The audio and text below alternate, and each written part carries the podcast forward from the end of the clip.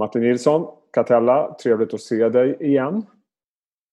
Detsamma. Ja, tack. Du, jag tänkte vi skulle börja med en dagsfärsk nyhet. Jag ser att Clas Olsson backar ungefär 9% när vi spelar in det här samtalet. Och eh, de kommer rapport... Eller, det jag reagerade på det var att de sa att de sett en kraftigt minskad försäljning i augusti. Det förvånar mig lite grann. Jag trodde det här skulle vara en vinnare på det beteendet vi har sett under coronaperioden. Ja, det har ju varit en, en eh, onekligen en vinnare på, på hela det konceptet. Det är väldigt intressant datapunkt de kommer med idag. Eh, och det, man, man förstår ju varför aktien är ner kraftigt. Eh, man får nog hålla utkik helt enkelt och titta på, på likvärdiga bolag om de kommer med samma nyhet. Eh, vad som har hänt det, det, vet man inte riktigt. Om det är att folk kanske långsamt börjar komma tillbaka till jobben eller att man har köpt på sig massa produkter från Clas Ohlson tidigare. Där onlineförsäljningen har varit väldigt stark. Men det är onekligen en, en väldigt intressant datapunkt. Mm, man nämner också att eh, man ser eventuellt ändrat köpbeteende och så vidare. Ja, det är någonting vi får hålla koll på för det var kanske inte riktigt det marknaden hade väntat sig av ett sånt här bolag. Jag tänkte på det att eh, annars är det man snackar om det är techfrossan. Nasdaq är ner 10% på tre dagar. Vissa aktier har fallit väsentligt mer än så. Vilket vi såg inte minst igår. Din eh, känsla kring vad som vi bevittnar? Nej, men alltså det, det, är ju, för mig är det en, eh, en positioneringsfråga. Tittar man på pengar som har kommit in i marknaden under en längre period så har det varit till techfonder, det har varit till, till också in, bolag inom hållbarhet eh, etc. Och det som har drivit börsen, tittar man på om man tar då det som vi kallar för FAMG ah, eh, nu för tiden, tar bort eh, Netflix och lägger till Microsoft, så är de bolagen upp kraftigt på börsen Medan egentligen då S&P 500, resten är faktiskt på minus year to date. Eh, så det är det som har drivit hela börsen. Det är en extrem positionering. Eh, tittar man på, på techsektorn generellt sett eh, och jämför till exempel med man tittar på multipelexpansionen som har skett inom techsektorn och lägger det mot en inverterad realränta så är det perfekt korrelation. Det vill säga det här är en sektor som har gynnats av de fallande räntor vi har sett under en längre period. Ehm, och skulle då räntorna eh, stabiliseras och av någon anledning kanske börja stiga, även om det kanske är någon som inte tror på det med alla stimulanser som, som finns i systemet just nu, så, så är det onekligen så att man blir lite mer försiktig. Sen är det ju så att de här passiva pengarna som har kommit in i den här sektorn, de är ju väldigt okänsliga. Så får de utflöden så, så är det ganska, då är det säljknappen och då kan det gå ganska fort i de här bolagen. Annars om vi tittar sista dagen, vi har sett VIX röra sig uppåt lite grann, över 30 senast jag kollade. Eh, vi har dessutom ett ras i oljan och viss press nedåt på amerikanska långräntor. Eh, vad säger man om det? Kanske framförallt oljan? Nej, men, oljan är ju alltså, det är en ganska intressant eh, kris vi har gått igenom därför att historiskt sett så påverkas inte oljeefterfrågan så jättemycket av lågkonjunktur. Alltså efterfrågan går ner ganska marginellt i förhållande till, eh, till eh, vad heter det, hur resten av marknaden, industriproduktion kan falla etc. Men i det här fallet så har ju det slagit stenhårt mot oljeefterfrågan. Det har ju gjort att ja, flygindustrin har stått, bilindustrin har påverkats, där många delar, stora delar av världen är hemma helt enkelt. Man kör inte alls lika mycket bil som har varit tidigare. Och sen har vi då en strukturell förändring eh, i, i sektorn där vi ser mer elbilar som kommer. För den, här, den här krisen har ju slagit väldigt hårt mot oljepriset. Sen har man försökt eh, motverka det här genom att hålla tillbaka produktion etc. Eh, och investeringar till oljesektorn är ju betydligt mindre än vad vi har sett historiskt sett. Eh, men det, jag är nog lite mer förvånad att oljepriset har varit så starkt som det har varit. Eh, för att det här är en sektor som borde vara faktiskt under tryck med, med, med facit i hand. Men annars om vi tittar på, på börsen. Eh, alltså det är ingen hemlighet att techaktierna har gått otroligt starkt eh, under mm. året. Eh, och nu händer det vi ser. Vi, vi, ser dessutom en ganska stor osäkerhet kring presidentvalet. Vi ser ökad handelskonflikten. Konflikten mellan USA och Kina. Är det inte bara liksom, att verkligheten har kommit ikapp? Jo, eh, jag tror många av oss är ganska förvånade att eh, väldigt många aktiekurser är faktiskt över den nivå vi var innan pre-corona.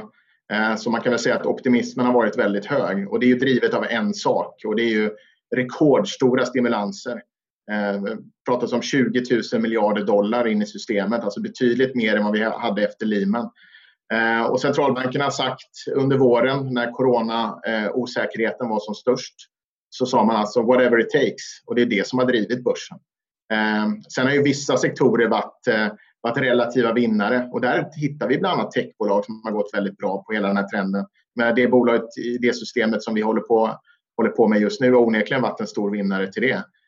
Så att jag, jag tror man får vara extremt ödmjuk för den situation som har varit.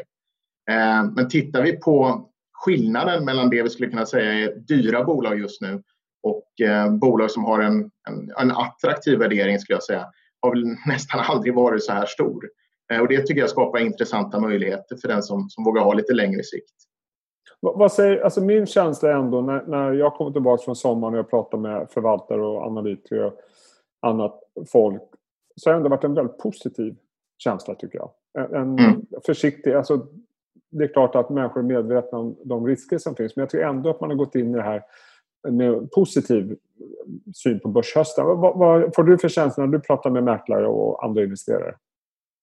Nej, men eh, jag skulle säga att eh, jag delar din uppfattning. Eh, det är en positiv grundton och även till viss del kanske en ganska hög riskaptit också. Det vill säga att man, man väljer att, eh, att ha ganska mycket risk i portföljen. Det skulle jag säga är det generella intrycket. Sen träffar man ju alltid någon som, som har det motsatta, men jag skulle säga att det är det generella intrycket. Eh, sen får man inte glömma bort att vi färgas ju av det faktum att i Sverige så har ju i alla fall hittills corona då gått från att vara fruktansvärt under våren till, en, till, till att ha lugnat ner sig nu under, under sommaren och, och början på hösten. Eh, så det är också kanske en positiv faktor att vi påverkas av. Men värt att notera att i stora delar av världen ser det inte alls så eh, optimistiskt. Så att vi kanske färgas av det också.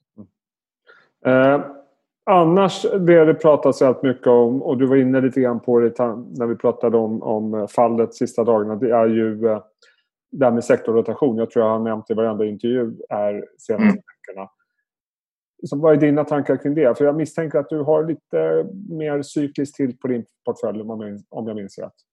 Nej, men det, det, det stämmer. Eh, nej, men det är ju onekligen så.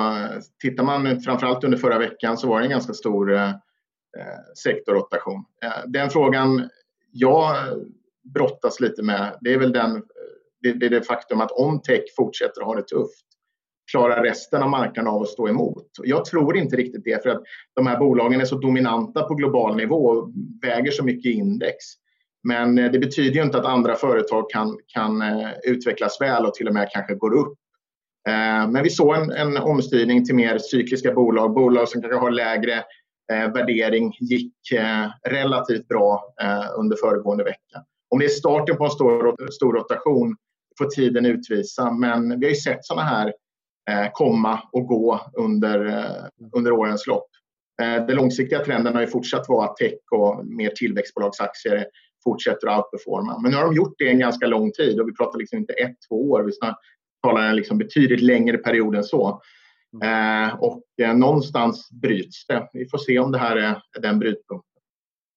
Eh, en sak som man kanske ska ta upp i det här sammanhanget vad gäller cykliskt och inte minst svenska cykliska, det är ju faktiskt dollarn också. Den har vi inte pratat ja. om. Eh, den har ju eh, fallit väldigt mycket sedan pandemin startade. Den har stärkt, dollarn har stärkts lite grann de sista dagarna men det är fortfarande ett ganska stort fall. Hur ska man ta in det i sina beräkningar? Nej, men det är, det är från fall till fall. Bolagen har ju väldigt olika exponering när det gäller, när det gäller dollarn. Eh, men generellt sett kan man ju säga att, att det är vad heter det, negativt för svensk exportindustri, det vill säga industri, basmaterial etc. Sen är ju vissa bolag, om man tar liksom Boliden till exempel, när, när dollarn tappar fart då brukar oftast metaller gå bra, vilket de också har gjort. Guld har gått fantastiskt och koppar har gått bra. Så där finns en, en naturlig hedge i, i, ett av de bolag som är mest känslig för en USD-SEK-förändring. Eh, Eh, vissa andra sektorer, framförallt då pappersindustrin, har det betydligt tuffare. Eh, där man inte har riktig pricing power eh, etc. Så att det därifrån, man, måste, man kan inte bara generalisera utan man måste göra liksom från, från fall till fall. Men det är onekligen så att det är lätt att hitta betydligt mer förlorare än, än eh, vinnare på Stockholmsbörsen när det gäller det här. Sen får man också säga att bra bolag klarar av det här. De bolagen som man träffar och man börjar prata valuta med brukar säga att vi har inga problem med, med större valutaförändringar. Men det är just när det sker så snabbt, det är då det kan ha liksom problematik för, för bolagen. Men annars generellt sett så ett bra bolag ska klara av också valutaförändringar även om det blir tuffare kortsiktigt. Eh, jag sa tidigare att jag misstänkte att du hade en viss cyklisk tilt i din portfölj. Hur tänker du kring portföljen nu? Nej, jag, jag, jag, jag, jag känner, känner att eh, positioneringen just nu eh, passar portföljen eh, väl. Eh, det som man går och tänker lite på är väl eh, kanske fastighetssektorn som är en stor sektor för, eh, för småbolagsuniverset. Eh, det är en sektor som har haft det tufft under coronapandemin eh, av förklarliga skäl. Eh, mycket då kontorsbolag som har exponering mot kontorsverksamhet. Man ifrågasätter kanske kommer vi behöva lika mycket kontor framgent etc. Eh, men det här är en sektor som, som eh, handlades med en stor premie eh, tidigare innan corona till att gå till en stor rabatt mot underliggande NAV. Så det är väl en sektor vi, vi tittar lite närmare på just nu. Generellt sett så tycker jag sektorn ser attraktiv ut gentemot börsen då, som har rallat väldigt starkt. Eh, men här måste man också vara väldigt selektiv i, i, i valen och vilken exponering, eh, exponering man har. Eh, jag skulle säga just nu om man pratar om värdeinvesteringar, för det är ju den rotationen vi pratar om att, att folk ska gå in i. Så för småbolagsuniverset i Sverige så, så är väl fastigheter en, en, en värdesektor eh, med, med, den, med den värdering som är just nu. man säger så. Och vi har sett också fastighetssektorn röra sig uppåt här sista dagarna eh, i den här Ja, sen, sen, sen, slutet av förra veckan så har den, har den börjat eh, ticka uppåt lite även om börsen faktiskt har varit ner. Mm. Spännande. Eh, men eh, grundsynen är ändå försiktigt positiv inför börshösten? Ja, det, den är försiktigt eh, positiv. Men eh, den stora, vi har väldigt mycket som, ja. som eh, står på agendan. Så man måste ha en, Ja, men, ja, faktiskt. Det är en stor portion av ödmjukhet måste man ha eh, inför den här hösten. Sen det här, vi pratar om handelskriget bland annat, att det börjar blossa upp nu. Det är ju Trumps strategi inför valet. Jag tror, jag tror att om Biden skulle vinna så tror jag inte att relationen med Kina kommer bli bra över natten heller. Utan den, den relationen är rejält skadad om man ska Men eh, kanske blir marginellt bättre. Men det är en del av hans retorik just nu. Eh, att han, han kör hårt eh, mot, eh, mot Kina. Men eh, valet i sig, ja, vad det kommer få för konsekvenser. Det, det är väl just det som är problemet, att det kan komma ganska mycket drastiska uttalanden inför valet som kan sänka börsen. För ett handelskrig är inte bra, bra för någon och inte bra för vår exportorienterade region heller. Så att, eh, det har vi sett resultat av tidigare. Så det är någonting man måste hålla koll på. Ja, eh, definitivt. Kul att snacka med dig igen Martin. Jag önskar dig en riktigt bra dag. Detsamma till dig.